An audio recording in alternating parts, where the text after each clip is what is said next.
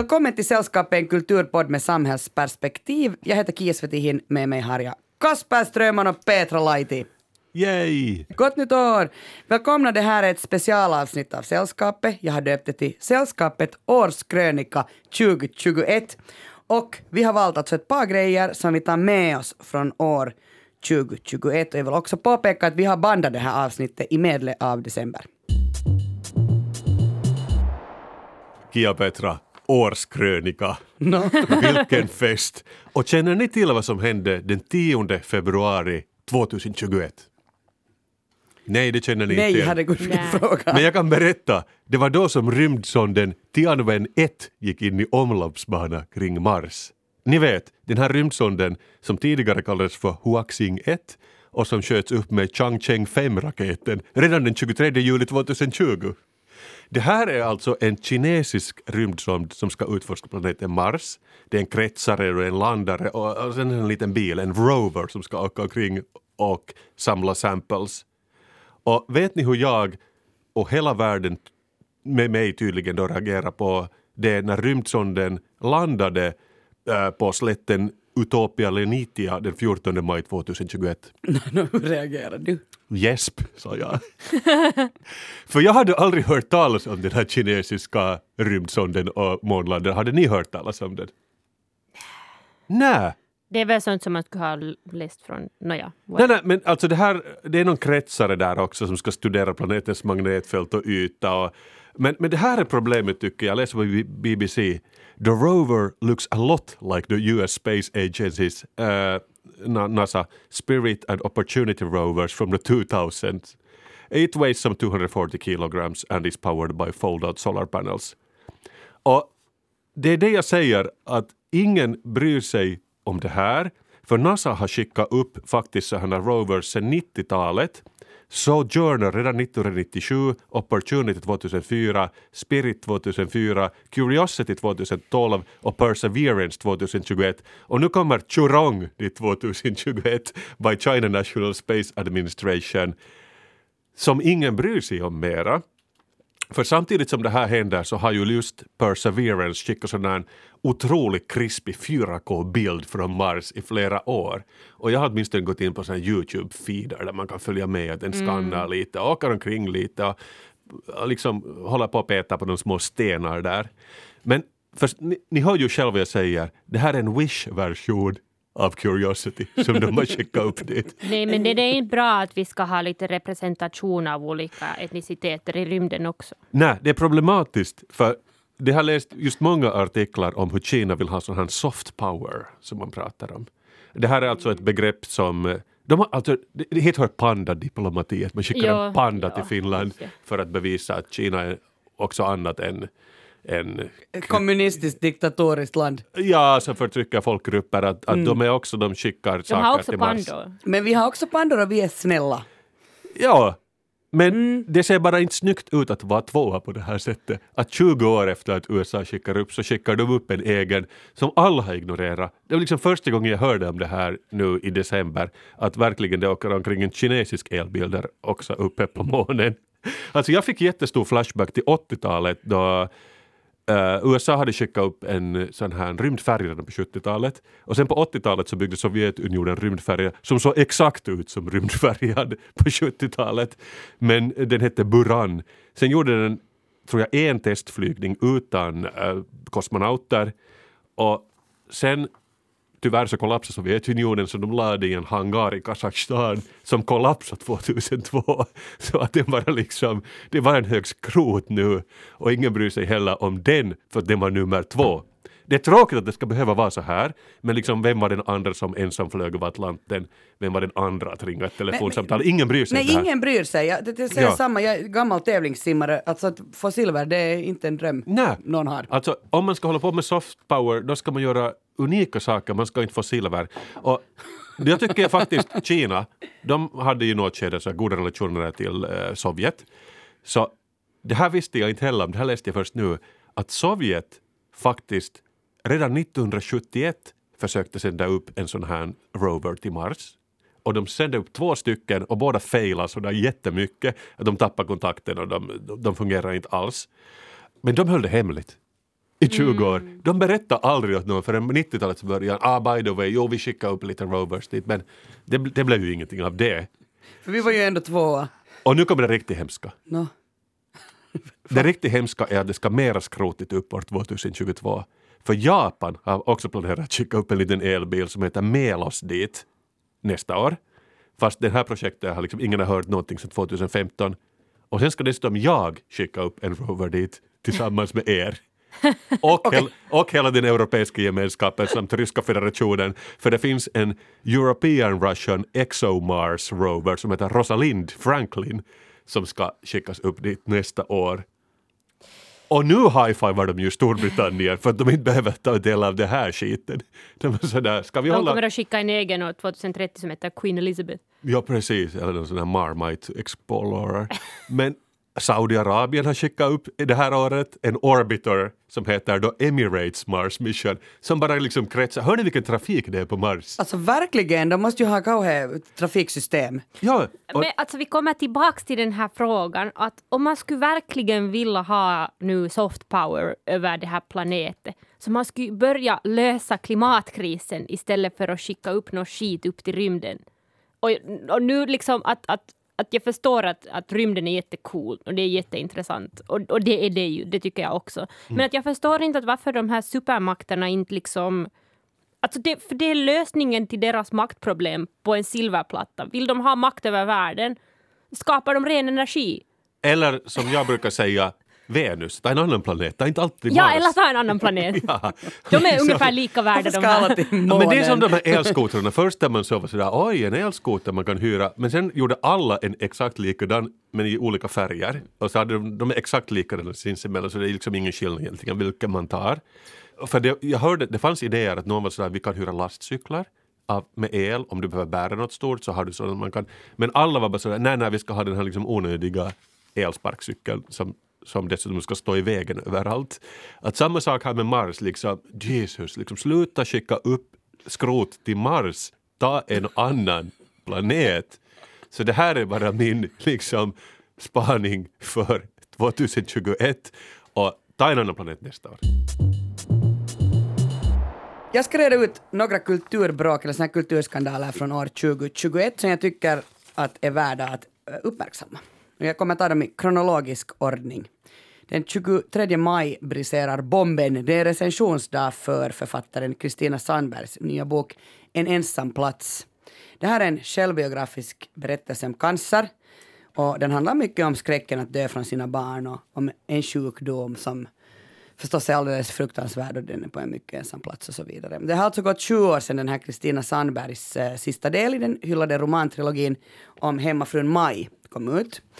Nå, Linda Skugge, eh, författare och krönikör, hon eh, recenserar, med så här stationstecken här nu, den här boken i Expressen. Hennes rubrik lyder så här. Blir inte konst för att man skriver om cancer. Och grund, Var det hela recensionen? Nej, det, det, den, Det skulle vara den, roligt. den lönar sig att läsa. Det, det är nästan ett ett eget konstverk den här recensionen. Grundtesen i hennes recension, eller alltså jag vet inte om man kan kalla den här texten för en recension, En sågning. eh, är alltså en totalsågning.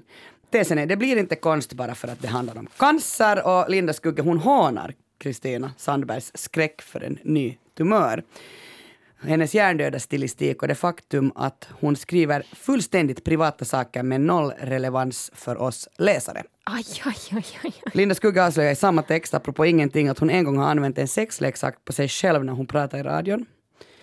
Eh, men, Liksom orelaterat eller? ja, jätteorelaterat, hon bara Okej. skrev det. Men, men jag kommer alltså att sätta med den här recensionen Blir i inte konst referensen. om- även om du använder sexleksaker.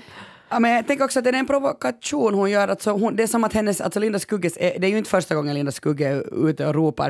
Eh, men, men nu är min fråga, får man göra totalsågningar? Är det alltså underhållande? Underhållande är det väl alltid. Behövs sån Men, här kritik? men, men det är väl en annan sak att, att är det liksom okej att medge att det är underhållande för en. Alltså jag- Speciellt om ja. det handlar om att, att nedsåga en bok om cancer så tycker jag det är lite i dålig smak att säga att det är underhållande. Alltså, det här var vanligt Sådär. inom musikjournalistiken, då när det ännu fanns musikjournalistik. Att Ja. man, men, men jag vet På inte. 90-talet, ja, när man ännu Ja, skrev jag tycker vi har musikjournalistik. kommit förbi det där nu. Um, Mm. eh, Jag tänker också så här att, att krönikören och kolumnisten, har den personen tagit över kritikerns tongivande plats? Alltså att, att nu ska jag säga så här, Kasper Strömman har ju recenserat olika verk i sällskapet under de gångna åren. Och, och, och du har, man har ju liksom lyssnat och tystnat av din träffsäkerhet. Du har bland annat recenserat Tove-filmen, du recenserar Brinn Oslo Brinn, Nora Brinn. Nej, Eller- Nora eller Brinn, Oslo Brinn Ja. tror jag det heter. Ja. Ser du, bra, du kunde också titta. Brinn, Nora, brinn. Det var Det väldigt... var min recension. Bild, det, bild byline, det är första sidans puff och de vet att i texten, så man lever ju länge där i kommentarsfältena. Jag har en gång skrivit en filmkritik på Frozen 2 Oj. och jag fick dödshot, människor blev så upprörda. Jag tyckte alltså inte om filmen, människor blev så upprörda på mig. Förvånad att det finns en tvåa, det har jag missat. Uh, Nåja, vi går vidare. Dave Chappelle, eh, ni känner säkert till honom, amerikansk komiker. Har ni sett hans senaste stand-up show The Closer som finns Nej. på Netflix? Nej. Den hade premiär 5 oktober 2021. Eh, vad tycker ni om Dave Chappelle? Transphobe.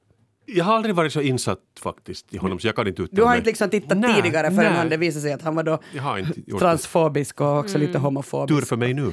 Ja, just så. Uh, I ett segment i showen så skämtar han om att han och då Harry Potter-författaren J.K. Rowling står sida vid sida eh, som Team TERF. Och TERF är alltså en förkortning för en falang av feminister som menar att transpersoners könstillhörighet avgörs av deras biologiska kön och att det inte kan ändras. Och, och det, där, det anses ju vara lite transfobiskt att säga så då. Aj, lite. Eh, och det, det blev en, en, alltså det rasade en intern konflikt på Netflix. Alltså människor inom Netflix var så här, jag kan inte jobba här, vad är det här för skit? Också för att de hade betalat jättemycket åt honom. Och externa kritiker eh, kallar, också interna kallar honom för transfobisk, transfobisk och Netflix gick ut och tog komikern i försvar. Men jag tycker problemet här med, med Dave Chappelle eh, är när han försöker höja sin ambitionsnivå och, och, och, bli, och verka liksom woke. Så blir han allt annat än woke. Alltså han, han ska säga något om världen idag. Alltså han kommer ju också från en annan tid, för man kommer ju nog ihåg, han hade någon show på MTV kanske liksom början av 2000-talet och, och då, var det, då kanske man fick vara mer sån där. Ja, för den, den kommer jag ihåg. Ja. Den kommer jag ihåg nog. Men att, att det är ju nog alltid... Vet ni, you die a hero or you live long enough to. Eller hur? Att det är alltid när någon komiker som har varit jättehet på 90-talet ska ta ställning till I'm gonna tell the kids how things used to be. Och sen är det där, ah, things used to be homophobic. Liksom, great. För alltså bland annat gör han så att, att han, alltså för att han, han missar liksom hela tiden sin poäng, eller han missar målet. Eh, det som du säger Kasper, att, att, att du minns honom från förr, att han är inte lika skarp längre. Nej men det är sådär man ser Seinfeld nu för tiden, han fyller ännu arenor men han pratar om sådär skämt om telefonsvarare och det är sådär, ja men vi har inte använt dem nu på många Nej. tiotals år mera. Nej, det, det, det går liksom fel. Uh, Okej, han, bland annat har han i ett segment i den här close, The Closer, nej, men han tar upp, jag har ju förstås läst på för jag tycker ju om debatten kring det, uh, rapparen The Baby, uh, vars homofobiska kommentarer då har lett till faktiskt en massa förlorade gig och massiv kritik. Nå, Chappelle nämner att The Baby för ett par år sedan sköt ihjäl en svart man, men nej, nej, det hindrar inte framgången. Eh, att hbtq-rörelsen blir kränkt är värre för ens karriär än att man har mördat en svart man. Och liksom här blir det ju så jättesnedvridet, för det är på något sätt som att att Chappelle förstår inte att man kan vara liksom både svart och hbtq. Alltså han, han, ser, han ser dem som skilda saker. Man kan inte kämpa för båda. Eh, homosexuella är en minoritet eh, till dess att de behöver bli vita igen, säger han. Stackars alla svarta homosexuella. Men eh, medan Chappelle-kritikerna nu säger att hans skämt legitimerar fördomar mot då, transsexuella, så säger försvararna att nej, nej, en komiker ska tänja på gränserna för att få oss att tänka till. År 2022, ska komikerna få skämta om allt? Eller ska de bli cancelled? Men det är ju, jag tycker inte att det är en fråga om att få. Det är en fråga om att kunna. Men ska de kunna?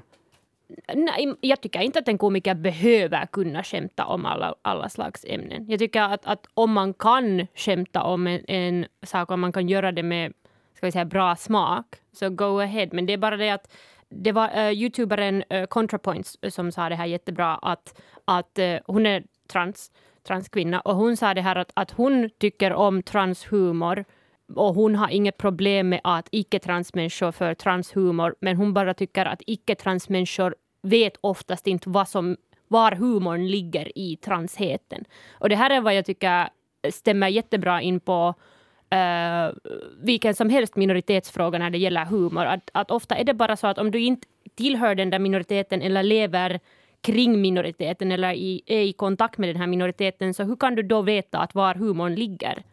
Vad är det som är ett, ett skämt? Och, och, och jag tycker att en bra regel är att, att, att om man ska prata eller om man ska ha vits och humor om, om någon minoritet, så det ska vara någon slags sån humor som den här minoriteten kan med god samvete skratta åt själva också.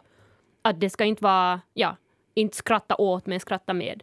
Alltså jag tycker att comedy kan vara som bäst då den är livsfarlig. Att om man gör sådär vågade skämt, man gräver en grop åt sig själv, men om man lyckas klättra ur den där gropen sen då på scenen. Jag har ju inte sett den här nu så då vet jag inte om han lyckades, men att på något sätt skulle jag ju vilja uppmuntra folk att ta tag i de här svåra sakerna och göra roliga skämt om dem. Men eh, det kan tydligen slå fel. Det var domen från sällskapet. Min, mitt sista, min sista kulturskandal, ehm, det är slutet av november. Och det började faktiskt bara med små viskningar, och sen började det bullra i, mina somekanaler. Finlandssvenska skådespelaren, regissören och konstnären Chris af Enehjelms utställning Öster om Eden hade precis haft vernissage på Galleri Forsblom i centrum av Helsingfors. Nå, vad som hände alltså, eh, hon, hon eh, af Enehjelm gick på lunch enligt Helsingin Sanomats artikel. Och när hon kom tillbaka så var fyra av hennes verk bortplockade. Oj då. Målningarna som censurerades så var sen efter en knapp vecka upphängda på väggarna igen.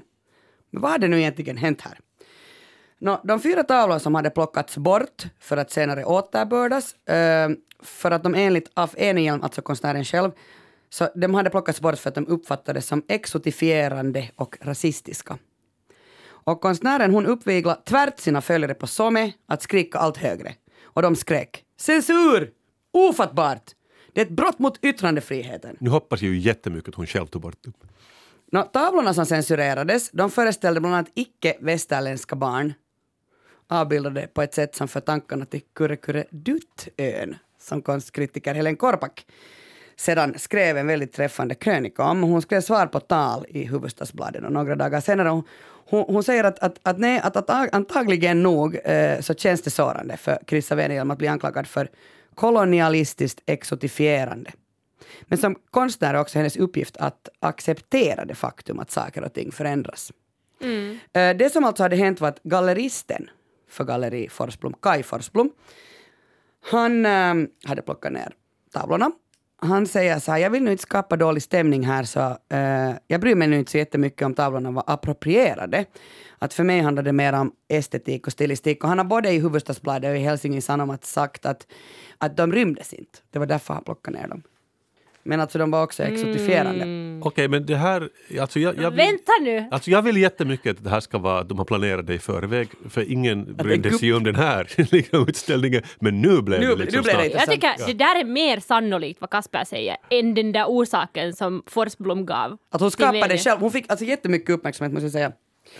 Geni. Det jag säger att faktiskt är synd nu i, den här, i hela det här eh, kulturbråket, det är att vi än en gång, så vi personer som är i maktposition, vi avsäger oss vårt ansvar. Men får jag fråga nu, alltså, förstår jag det här rätt att, att det var tavlor som exotifierar icke-vita var det barn, människor?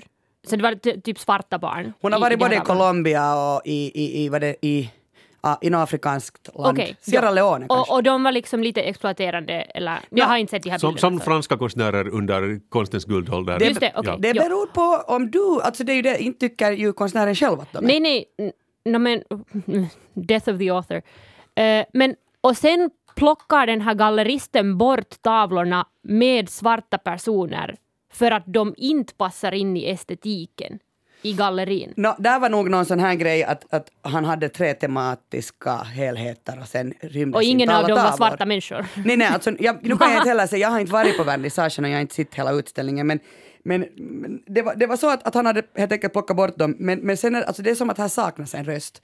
Den här woke-rösten, någon har nog varit också jätteupprörd, men, men varken Helsingin Sanomat eller, eller Hufvudstadsbladet har, har liksom kunnat presentera vad det är egentligen som har hänt. Men jag tycker alltså att det som är problematiskt här är att liksom vita människor i maktposition måste vara medvetna om vilket rasistiskt samhälle vi lever i. Och vi måste kunna diskutera representation, rasism, kolonialism. Men sen måste vi, vi sluta på något sätt att vara så där jättelättkränkta och sårade och, och liksom lyssna. Mm. Alltså lyssna kanske på den yngre generationen, lyssna på dem som blir kränkta istället för att vara sådär att nej men jag har inte menat något illa och det här är konst och man kan inte liksom, man kan inte säga att det här är mm. det ena och det andra. Nej men jag har talat om det här i flera, flera år om det här att, att det må vara jättesvårt för kulturvärlden överhuvudtaget att kunna medge att kulturvärlden är en del av de här strukturerna för att kulturvärlden supposedly är så jätteliberal och så vet ni, här har minoriteter fått leva i flera decennier och, och, och så vidare, men att, att men att faktum är att kulturvärlden och konstvärlden har jättemycket makt. Jättemycket makt över hur folk ser på vissa folkgrupper, människogrupper och, och minoriteter. Och jag, jag förstår mig inte på att varför det kan vara så svårt för kulturvärlden att se i spegeln. Liksom. Det förstår jag inte. Vad jag hör igen är att det har hängt fyra tavlor på en vägg, så hänger de inte där en stund och så hänger de där igen. Så det är inte undra på att jag har missat det här. Du har missat det, det känns det, ja. inte som Men, en... Okej, okay, och vadå, de satt tavlorna tillbaka sen? Ja, alltså nu kan jag inte säga att hur, alltså det var, det var bara vissa av tavlorna som ansågs då likna Pippi Långstrumps pappas äh, folk på kurre, Kurreduttön. Förstår? Alltså, jag kan ju inte säga hur många av tavlorna var alla avbildningar av svarta människor eller inte, men mm. i vilket fall som helst så tycker tyckte då en viss falang att nej, det här var väldigt okej, okay, att jag, jag, det här, så, här, så här får man visst måla. Medan förstås en annan yngre generation var sådär att så här kan inte hålla på, det är som att spela eller det som Afrikas stjärna eh, kan anses vara rasistiskt. Alltså, det är det här, vi vägrar bara lyssna och förstå och sen så bara ringer vi alla klock, klockor och ropar jag är inte anti, jag är inte rasist, jag är antirasist. Men jag tänker liksom att det är jättesorgligt och pinsamt att, att vita privilegierade personer i maktposition gråter över sin egen blindhet. Alltså det, det blev på något sätt så ironiskt. Man sa, men sluta gråta jättemycket nu på, mm. på SOME, för det är faktiskt så att vi är alla rasister. Och det här är ju liksom kanske en... Det, det är en sak jag tycker att man borde lära sig. Mm. Till 2022 i varje fall. Jag har funderat på det här med reunions. Och jag först när jag kollade på att hur många tv-serier hade reunion-år, In, inte nu bara det här året, men under corona överhuvudtaget, så funderade jag att, att okej, okay, men det må ha väl varit filmer där det startade, att, eh, att när man börjar göra liksom reboots och remakes av uh, just några superhero movies, eller Marvel, Marvel-filmer, just att man rebootar gamla serier till nya filmer och sen har det liksom skapat den här nostalgivågen. Men jag har faktiskt ändrat mig sen dess också. Jag har funderat, är det inte videospel som har orsakat hela den här nostalgivågen? Du menar att Grand Theft Auto kommer ut? Liksom? Nej men för videospel, eh, speciellt de här större liksom serierna, baserar sig ju på att man har i princip samma universum som man uppdaterar för dagens läge. Och man tänker just på något Zelda eller speciellt nu Nintendo-spel som har liksom jättestor nostalgivärde. Och sen finns det de här nostalgiska spelen som du kan spela eh, och sen finns det liksom alltid en uppdaterad version för varje decennie. Så alltså det, är ju en jättefunger det har varit en jättefungerande format för videospelet. Så jag tycker det är bara naturligt att sen har det blivit filmer och nu tv-serier. Man pratar väl om liksom världar eller universes av mm. liksom Mario-universumet eller sådär. Just det, och det fungerar ju bäst för videospel och filmer för att man kan alltid skapa en ny digital version av samma karaktär eller sen bara casta på nytt uh, en människa i en film. Men det här med tv-serier, reunions, tycker jag är intressant för man kan inte skapa likadan magi med reboot tv-serier som man kan med reboot videospel till exempel. Nej, har, jag, jag, jag är alltid lika besviken. Ja, exakt. exakt. Och det som... Eh, jag googlade faktiskt um, när jag tänkte just på det här med Friends reunion. Jag googlade lite att hur många tv-serier bara i år har haft någon reunion. Så det varierar lite att, att är det liksom helt, uh, helt serious reboot eller continuation som Sex and, Sex and the City eller har det varit en sån här lite, lite skitig sån här Zoom-reunion så att folk, eller casting sitter på något Zoom-call. För det finns ju de här Uh, Fresh Prince of Bel-Air har haft reunion. Ah. Ja, de hade någon uh, liksom lite liknande som om de tog en selfie på deras liksom den här ikoniska Ja, ja, men inga avsnitt eller sådär. Nej, nej, nej, nej. Okay, inte. Men sen ja. hade också eh, The Nanny hade en sån här shitty Zoom reunion där de satt på Zoom och diskuterade. Men räknas det här? Ska det inte vara, liksom ny, ska det inte vara en ny säsong för att det ska räknas som en... Som Sex Men, and the City. hade, men Ja. inte, inte hade Friends heller en ny Nej, säsong. vet. Och det, det är nog ändå reunion. Men alltså West Wing hade en Zoom reunion. Men alltså sitter man och tittar på när de här skådisarna träffar varandra på ett Jag har Zoom? ingen aning. Jag hade, inte, jag hade just och just hört om Fresh Prince of Bel-Air reunionen. För vem vill se på det? Det är ju alltså helt värdelöst. Men alltså, det är ju just det här att, att eh, Friends reunion har varit, eller den har blivit spekulerad om ända sen Friends tog slut.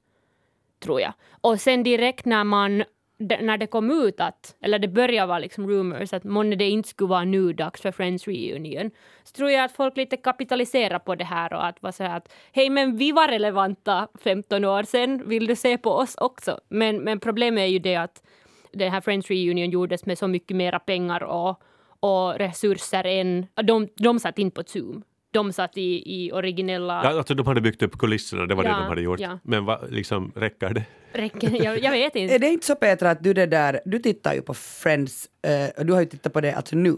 Du tittar inte på det då när det kom för, hur gammalt är det, 20 år sedan? Alltså de där slu, sista säsongerna såg jag nog helt live på TV. Eh, men då var jag ju förstås barn. Men jag har lite, eh, jag har lite kollat nu, nu under de senaste veckorna på gamla säsonger av Friends bara för att, för jag visste att vi skulle tala om, om något liknande. Eh, och jag har kollat på de där avsnitten. Och jag måste säga, alltså alla talar om hur problematisk Friends är och hur problematiska de här gamla tv-serierna är. Och jag håller med, det finns liksom problematik i dem också. Men samtidigt så vet jag inte om Den är väl ganska oskyldig ändå va? Alltså, Alltså din, eh, men, men Friends tycker jag är, är lite annorlunda, speciellt nu i den här första säsongen tycker jag, jag har inte kommit så långt ännu så jag kan ha jättefel. Säkert har jag jättefel i förhållande till vissa episoder men att, att det är inte problematiskt på ett självklart sätt. Att det är inte liksom att, att, att om man inte vet vad den där problematiska aspekten är så ser man bara liksom småglimtar av det. Men sen när man vet, eller när man plötsligt märker att okej, hela New York är helt liksom vit som snö. Så sen först börjar man se den här liksom lack of diversity och så vidare. Men att om man inte liksom har tänkt på det här förut, att, att före jag fick en lista av saker som, som händer på Friends hela tiden så inte, inte heller märkte jag alls det. Nej men tycker du det är roligt? Alltså skrattar du? Åt vissa saker fortfarande, ja. ja. alltså, Eh, för- Men det är samma sak med, med Sex and the City. Sex and the City tycker jag är mycket mer uppenbart problematisk nu för tiden än vad Friends har varit. På vilket sätt? Uh, no, för att Sex and the City handlar om sex och om män och kvinnor och sexualitet. Och sättet som man förhållde sig till det var mycket mer problematiskt på 90-talet. Helt enkelt. Och Friends liksom gör ju komedi av mat och kaffe och pengar och liksom och det är jätteoskyldigt det där och, och inte alltid, det är ju nog jättehomofobiskt också. Eh, men att, Underbar tid jag och Kasper har vuxit upp i. men, men att, att det är liksom att, att i Sex and the City handlar komedin om just sex och maktrelationer och allt det. Och då går det liksom snett jättesnabbt. Jag vill påpeka förresten att jag tror det kommer att komma ut en reunion som kommer att toppa Friends. För det kom just typ i förrgår kom ut trailern för Harry Potter reunion special som kommer ut på HBO Max och den såg dyr ut. Den såg, den såg ut som att man har spenderat miljoner på. Alltså så, då är det så när de där skådisarna träffas och så får man sitta och titta på dem i någon Ja, och soffa. sen när de gråter. Men ska de vara på någon sån här, vad heter det, plattform 13 och en halv? Jo, jo, den, den där trailern var, var eh, liksom inspelad där man såg när liksom casten kommer in på tåget och, Ja, ja, ja, och sen uh, return to the magic castle Men sen, jag, jag tycker det är så, men sen gör de inte sina Harry Potter-grejer. Om de ska bara sitta där och liksom snacka. Nej, för inte har vi ju sett, eller inte såg man ju på Harry Potter för att se Daniel Radcliffe. Nej, Man såg inte. på det för att se Harry Potter. Vad fantasy. Men, eh, men en eh, tv-serie som jag tycker har varit en jättebra exempel på att folk ser på det och inser hur problematiskt det är, är America's Next Top Model. Mm. Den har varit nu, jag skulle våga påstå, två, tre gånger per år de senaste fem åren har det varit någon skandal gällande America's Next Top Okej. Model. Tyra Banks, nej? Jo, är det hon? jo, ja. ja. ja. America's Next Top Model hade till exempel en, eh, en jättekänd episod där de skulle byta sin etnicitet för en photoshoot. Och där var, där var blackface. Blackface. Blackface. Skämtar du? Nej, inte alls. Och det är liksom, det är bara liksom, ja.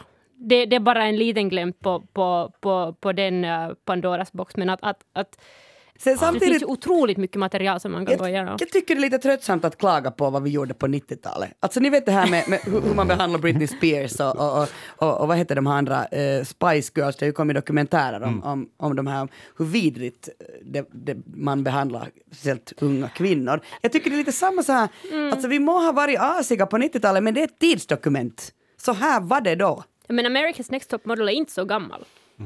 Men ändå hade man blackface, alltså det här är otroligt. Det är otro- och det, är Galleri ot- Forsblom, var är du? Men att, att, att jag tycker jättemycket om de här eh, analyserna att, att vilken tv-serie, och, och speciellt nu i förhållande till de här reunions, för det som man talar ju om kring Friends reunion var ju att kommer de att tala om den här problematiken som serien har kring eh, homofobi och, och fatfobia och allt det här. Och de talar ju ingenting om det. I, ingenting. Eh, de kanske, jag tror de nämnde lite det här eh, med den här diversity-frågan, mångfaldighetsfrågan. Men att, att, att jag tycker om de här analyserna när man ser, ser bakåt och, och är sådär att men det där var inte så länge sedan och då har vi tänkt ännu så här. För jag tycker det, det är också en bra påminnelse om hur långt vi har kommit som samhälle. Men alltså för att konkludera lite det här så jag har läst så mycket analyser om det här nostalgitiden och, och vi vill bara se bakåt och inte stirra på den förfärliga framtiden som vi har framför oss och, och så vidare. Men att, att, att jag tycker nog att det finns, när, när alla de här nostalgianalyserna som är skrivna av över 40-åriga människor, förlåt, Eh, så då, det finns alltid en viss liksom bitterhet när, när folk upptäcker att, att det här var ändå problematiskt, de här serierna som vi brukar älska. Men jag tycker att det är bra att tala om den här bitterheten. Det är bra att vara bitter om att vi inte var ett bättre samhälle för. Det var inte bättre för. Kommer ni ihåg för en stund sedan då jag pratade om att Kina har sänt upp en sond till Mars? Det kommer jag ihåg. Kia Petra, från den röda planeten till den röda staden. Jag pratar såklart om Tammerfors. Ah.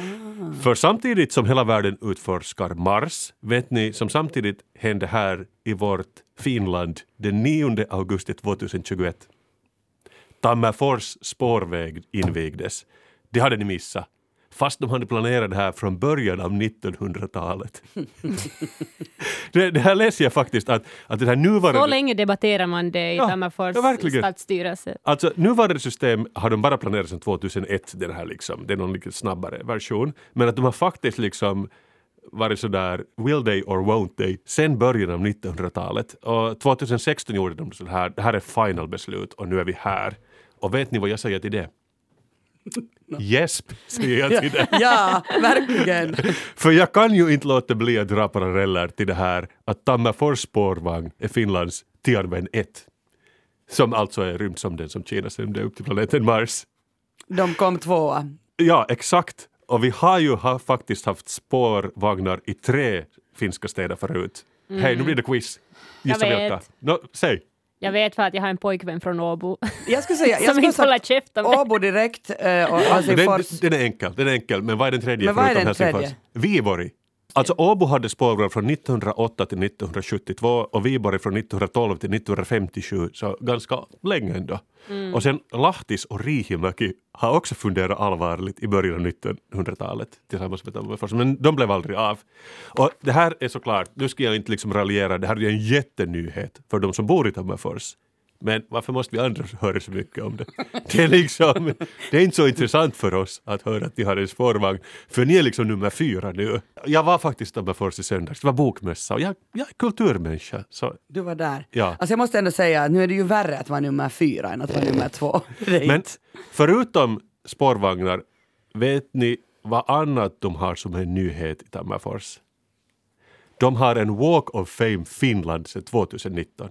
Fy fan säger jag till det. Walk of Fame Finland. Ja, alltså det är på Åkerlundsgatan. De har såna stjärnor som på, är det Sunset Boulevard eller var, var de har det? De har, Står där Kasper Strömman? nej, det står så här, Popeda, det står Mikko Alatalo, men också Sibelius, vad har han med Tammerfors att göra? Det är jätterandom människor och det var också svinkallt så jag, jag liksom blev inte att titta på dem. Det är jätte liksom deprimerande men också oklart vad connection med Sibelius och Tammerfors är. Jag var inne, vad var du ser lidande ut?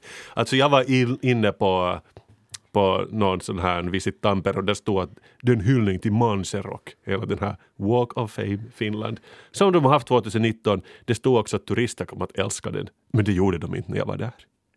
Men okej, okay. vi utgår då från att Tammerfors är Nordens Peking.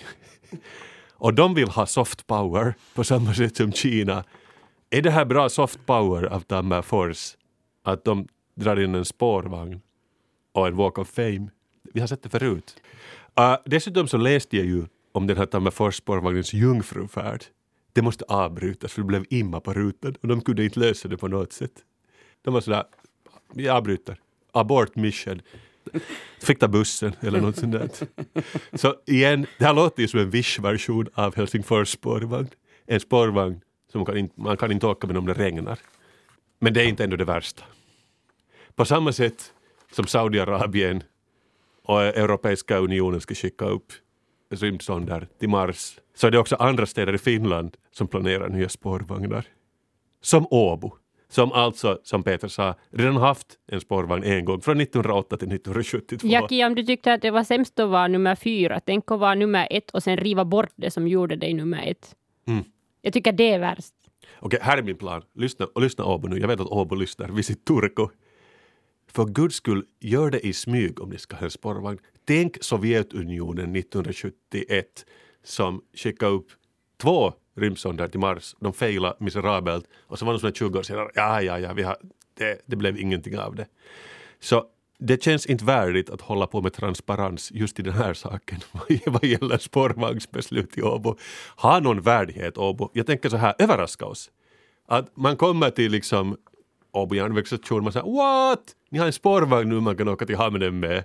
Alla kommer att vara jättepraktiskt. Det är så här det ska gå. Att i smyg, inte hålla på liksom trumma upp det här fiaskot som den där, vad, vad heter det, funikularen. Det är ju inte bra att liksom prata jättemycket om det ska fungera. Aldrig. Gör en bra fungerande spårvagn, dra lite räls och sen nästa gång jag jobbar jag sådär, toppen. Liksom, det här är soft diplomati. Men jag säger som Mandalorian, this is the way. Gör det i smyg. I november 2021, hela 13 år efter att Britney Spears hade fråntagit sin frihet, återfår hon den. Popstjärnan är då 39 år gammal och hon befrias från det förmyndarskap hon levt med sedan 2008 och det här beslutet kommer från en domstol i Los Angeles. I varje fall Petra viftar. Hard power! Hard power, jag är glad. Girl Eh, power säger jag. Heja Britney. Judge Penny today, after a hearing, decided to agree with Britney Spears, and as of today, effective immediately, the conservatorship has been terminated as to both the person and the estate. De är glada.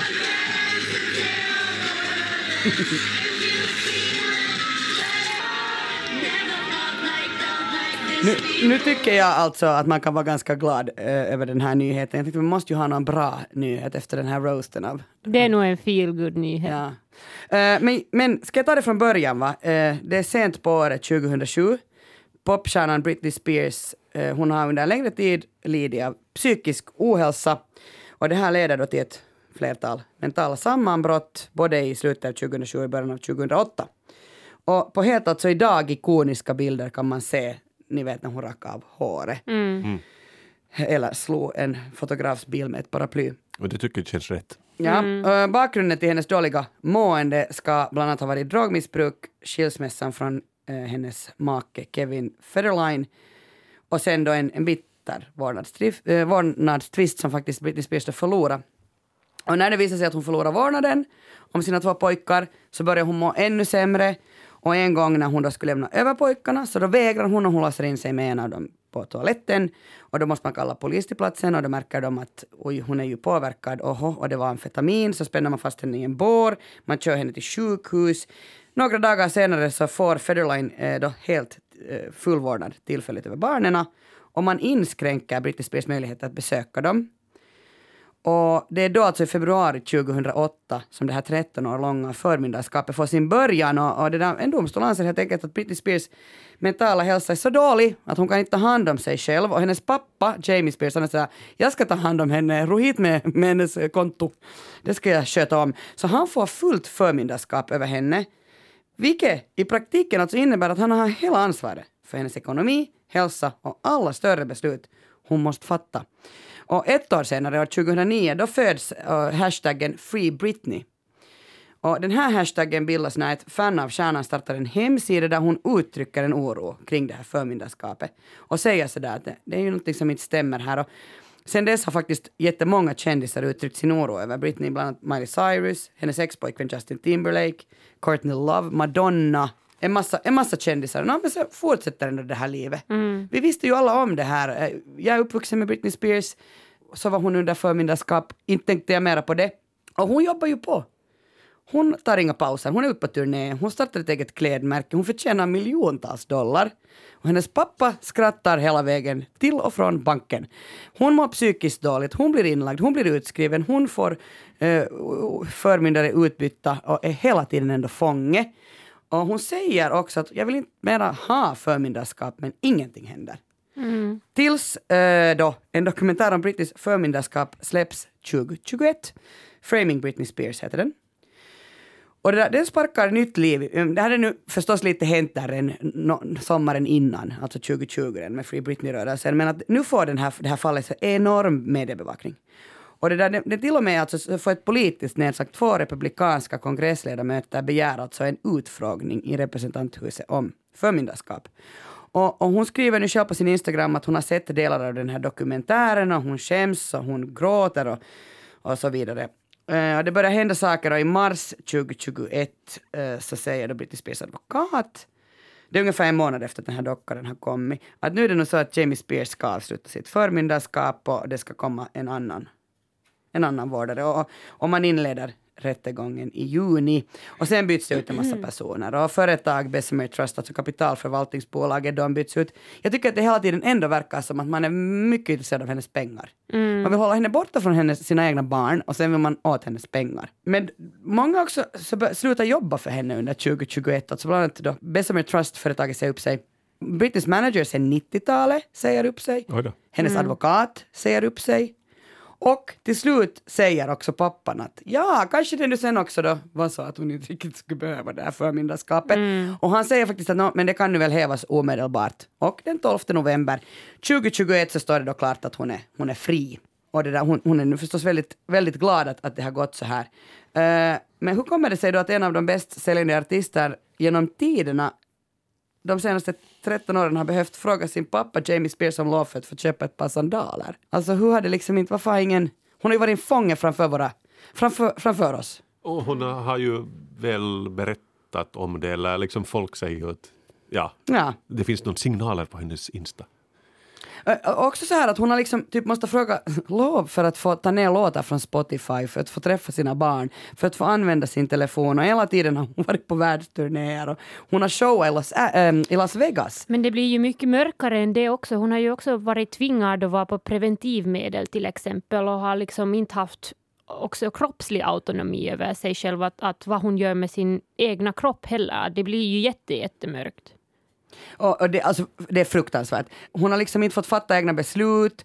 Hon har helt enkelt inte fått göra något. Men nu får hon då äntligen. ehm, och, och det där, då börjar jag så här. eh, är det så att liksom konspirationsteoretiker äntligen hade rätt?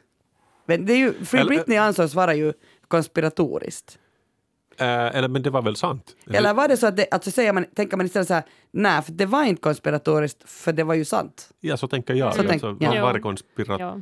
Konspirationsteorin? No, det som man bland annat sa var att, man, att liksom idag hade hon uh, sån här färgs ögonskugga och då betyder det att hon är Det ihåg. rädd. Ja. Att det, det kanske är lite konspiratoriskt. Mm, ja, jag, jag vet inte. Ehm, kanske i, i stora bilden känns det lite som att, att har det någon skillnad om, om det hade någon betydelse eller inte? Egentligen. För hon blev ju frisläppt, vilket är det viktiga. Och det man säger att den här Free Britney-rörelsen har ju varit jätteviktig för henne. För att så på något sätt så, hon har ju hela tiden varit nog sådär att hej kanske jag nu inte behöver nu att någon, min pappa tar hand om mig och har liksom koll på allt jag gör. Jo, hon sa ju på sin Instagram att hon, hon anser att det här är liksom fansen som har gjort det för henne. Ja, och ingen har ändå reagerat. Alltså det är som att hon har bara ropat i något sånt äh, rum med eko och ingen har, har gjort något. Medan de som ändå har lyssnat på henne är ju Free Britney-rörelsen. Och att det kanske har gjort att hon har orkat kämpa. Alltså, äh, det Eller krävdes. gett stridkraft där. Kanske. Ja, det krävdes en sån här rörelse. Jag tänker ändå ge några kulturtips här. Vill man förkovra sig i Britneys liv, det har ju kommit väldigt mycket dokumentärer om henne. Eh, Framing Britney Spears tror jag finns på MTV3. Sen finns det Controlling Britney Spears, den kan man se bland annat på, på More.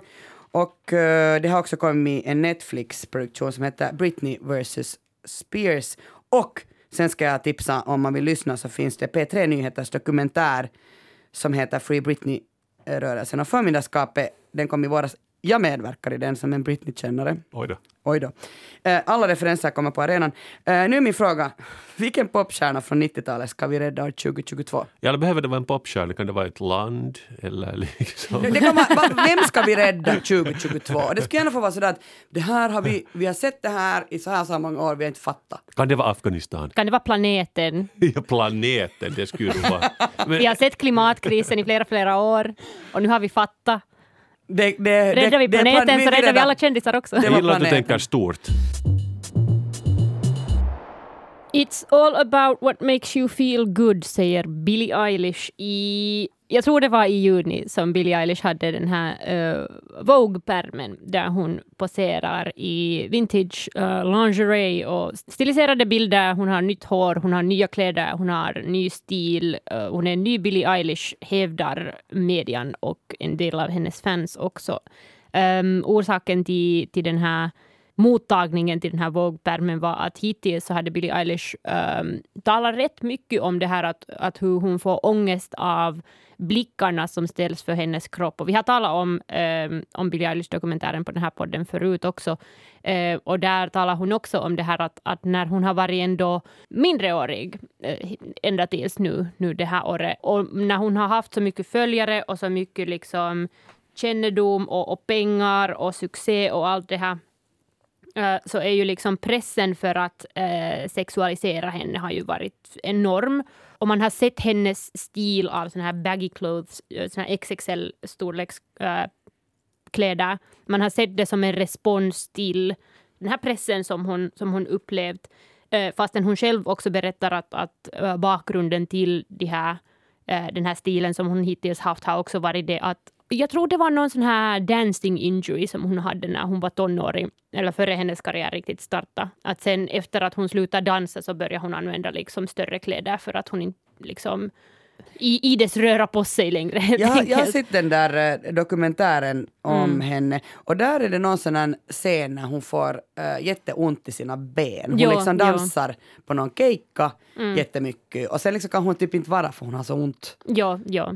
Ja, exakt. Men det har med det att, att, att göra. Just hon blev skadad när hon var tonåring och, och ända sedan dess så, så hade hon inte helt enkelt eh, liksom använt tajta kläder.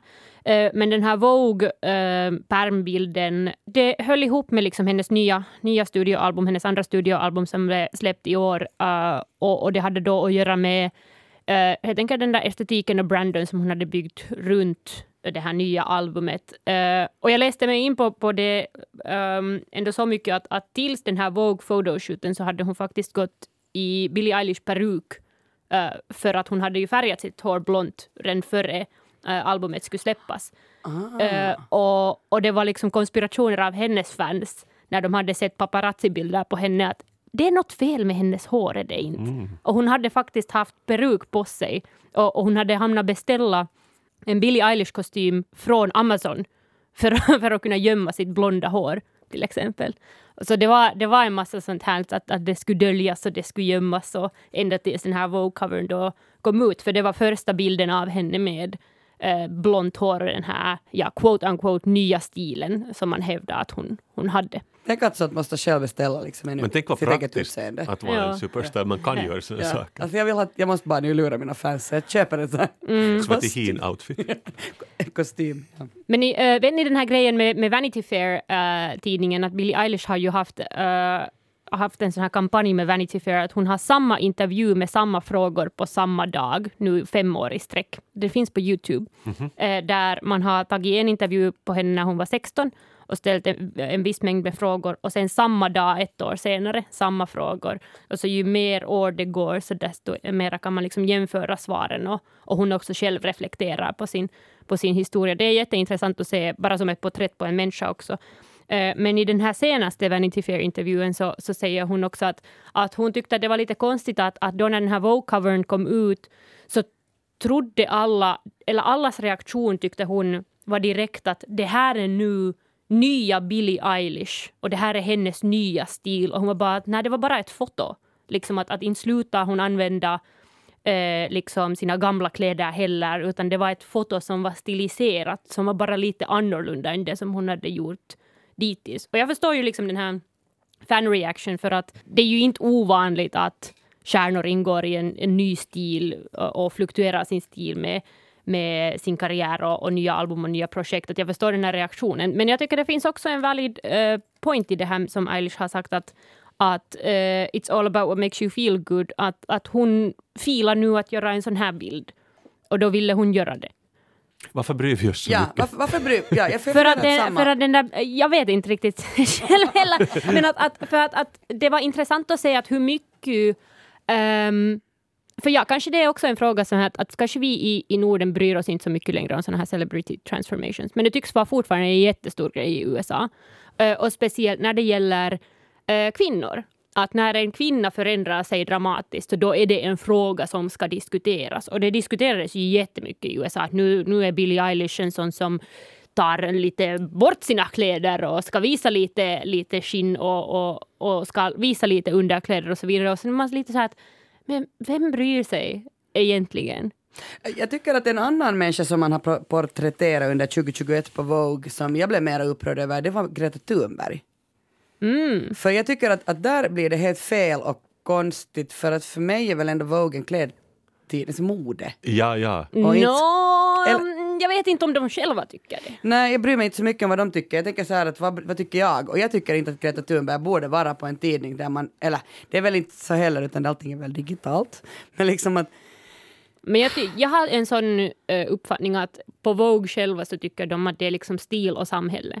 Kanske de har pivotat från sina gamla Det, dagar. det kan hända, men att, att äh, historien för Vogue är ju överhuvudtaget sån att, att Vogue har liksom Åtminstone så är det här det som de berättar själva, är att de har kämpat för kvinnornas position i samhället. Eh, och, och ofta sättet som man har kämpat på har haft att göra med just stil och, och emancipering av kläder och, och smink och allt det här, vilket jag för, förstår nog i och för sig. Men att, att visst, det blir en viss kognitiv dissonans med, med Greta Thunberg och Vogue. Det som är intressant är att Billie Eilish själv nämner ju också Greta Thunberg i sin Vogue-intervju och säger att she's fucking fantastic. Eh, att nu är det ju liksom en sån här Eh, Jag tror det handlar om, om det här också att Vogue vill ju också behålla sin relevans för yngre läsare. Och det som yngre läsare helt enkelt bryr sig om är klimatkrisen och politik och samhälle och racial justice och allt det här. Så nu, jag tror det, det finns också en viss opportunism där för, för Vogue att behålla sin, sin egna relevans. Men det är en, en eh, fråga det här med celebrity transformations fortfarande i USA och, och det gäller speciellt kvinnor. För en annan kvinna som har blivit mycket diskuterad om och en annan album uh, i samband med hennes transformation är ju Adele. Adele har ju blivit jättehårt kritiserad eh, eller också liksom bara talad om på grund av att hon har tappat så mycket vikt eh, under sin karriär och blivit liksom smalare för varje album som hon har släppt ut. Och det tycker jag är intressant det här med att Det får man inte heller göra. Nej, det får man inte heller göra. Att liksom att, att, eh, och Adele har ju inte ändrat på sin stil nästan alls. Hon har kanske fått liksom dyrare kläder och dyrare smink och bättre stylist kanske. Men att, att inte har ju, ingenting annat har ändrat på henne än att hennes musik har blivit mer vuxenaktigt kanske. Mer mo, den har mognat till sig och så har hon blivit lite smalare. Och hon har fått massor med kritik för det. Det är en sak som, som jag funderar också kring de här celebrity transformations, för det blir ju alltid en jättestor grej på SOME. är, eh, och, och både i Billie Eilish fall och Adeles fall har jag sett ända liksom hela vägen till finska som en finskspråkig social media så ser jag att man talar om de här människorna och, och att de gör liksom vågor i social media. Och jag funderar på det här att, att och det, det är en könsfråga också, man talar om de här kvinnornas transformering helt på ett annat sätt än, än på männens. Till exempel om jag jämför med Christian Bale till exempel, eller Hugh Jackman, så man talar alltid om att de eh, förändrar på sin kropp eh, för, för, att det är liksom en karriärmove, att de ska vara jättesmala eller jättetjocka för sin roll och att, att man ser att okay, de använder sin kropp som ett verktyg. Medan om det är en kvinna som gör det så då är kvinnan en produkt och, ett, och om kvinnan då väljer att visa mera eller mindre eller vara smalare eller inte, så då förändras produkten som du köpt och då är du inte längre nöjd med det. Och det är det som jag blir lite, alltså jag blir lite liksom irriterad av det nog. För att, eh, för att som sagt så inte borde det ha någon skillnad att, att vad Billie Eilish poserar i på Vogue-pärmen egentligen. Och, och jag blir lite irriterad på att att det hade så mycket betydelse ändå. För att jag skulle vilja tänka att vi är liksom bättre än så. Absolut. 2022 ska bli ett bättre år. Jag ska fråga er att på TikTok, uh, vilket år tror ni att uh, man där redan är nostalgisk för? Ah, det går snabbt där va? Det måste ju vara 2021. 2006. 2020. Oj! Ja, där, där är man en sådär, oj minns ni när det var lockdown? Ja men, ja, men det har jag hört att Banana Bread och uh, Tiger King. Ja, Tiger King är liksom väldigt Ja. nostalgiskt redan nu. Ja. Ja, det hörde jag. Bra, Tack hej! och lov har de en reboot redan. Säsong två. Tack Kasper och Peter för sällskapet. Tusen tack och 2021, vilket toppenår. Vilket toppenår! Uh, har, ni, har ni några minnen ni vill skicka till oss, gör det på sällskapet.yle.fi. Alltså ni får också skicka trendspaningar för 2022. Och det där, vi säger väl bara då, gott nytt år 2022. Gott nytt år! Ho, ho, ho. Vi Gott hörs. Hej då!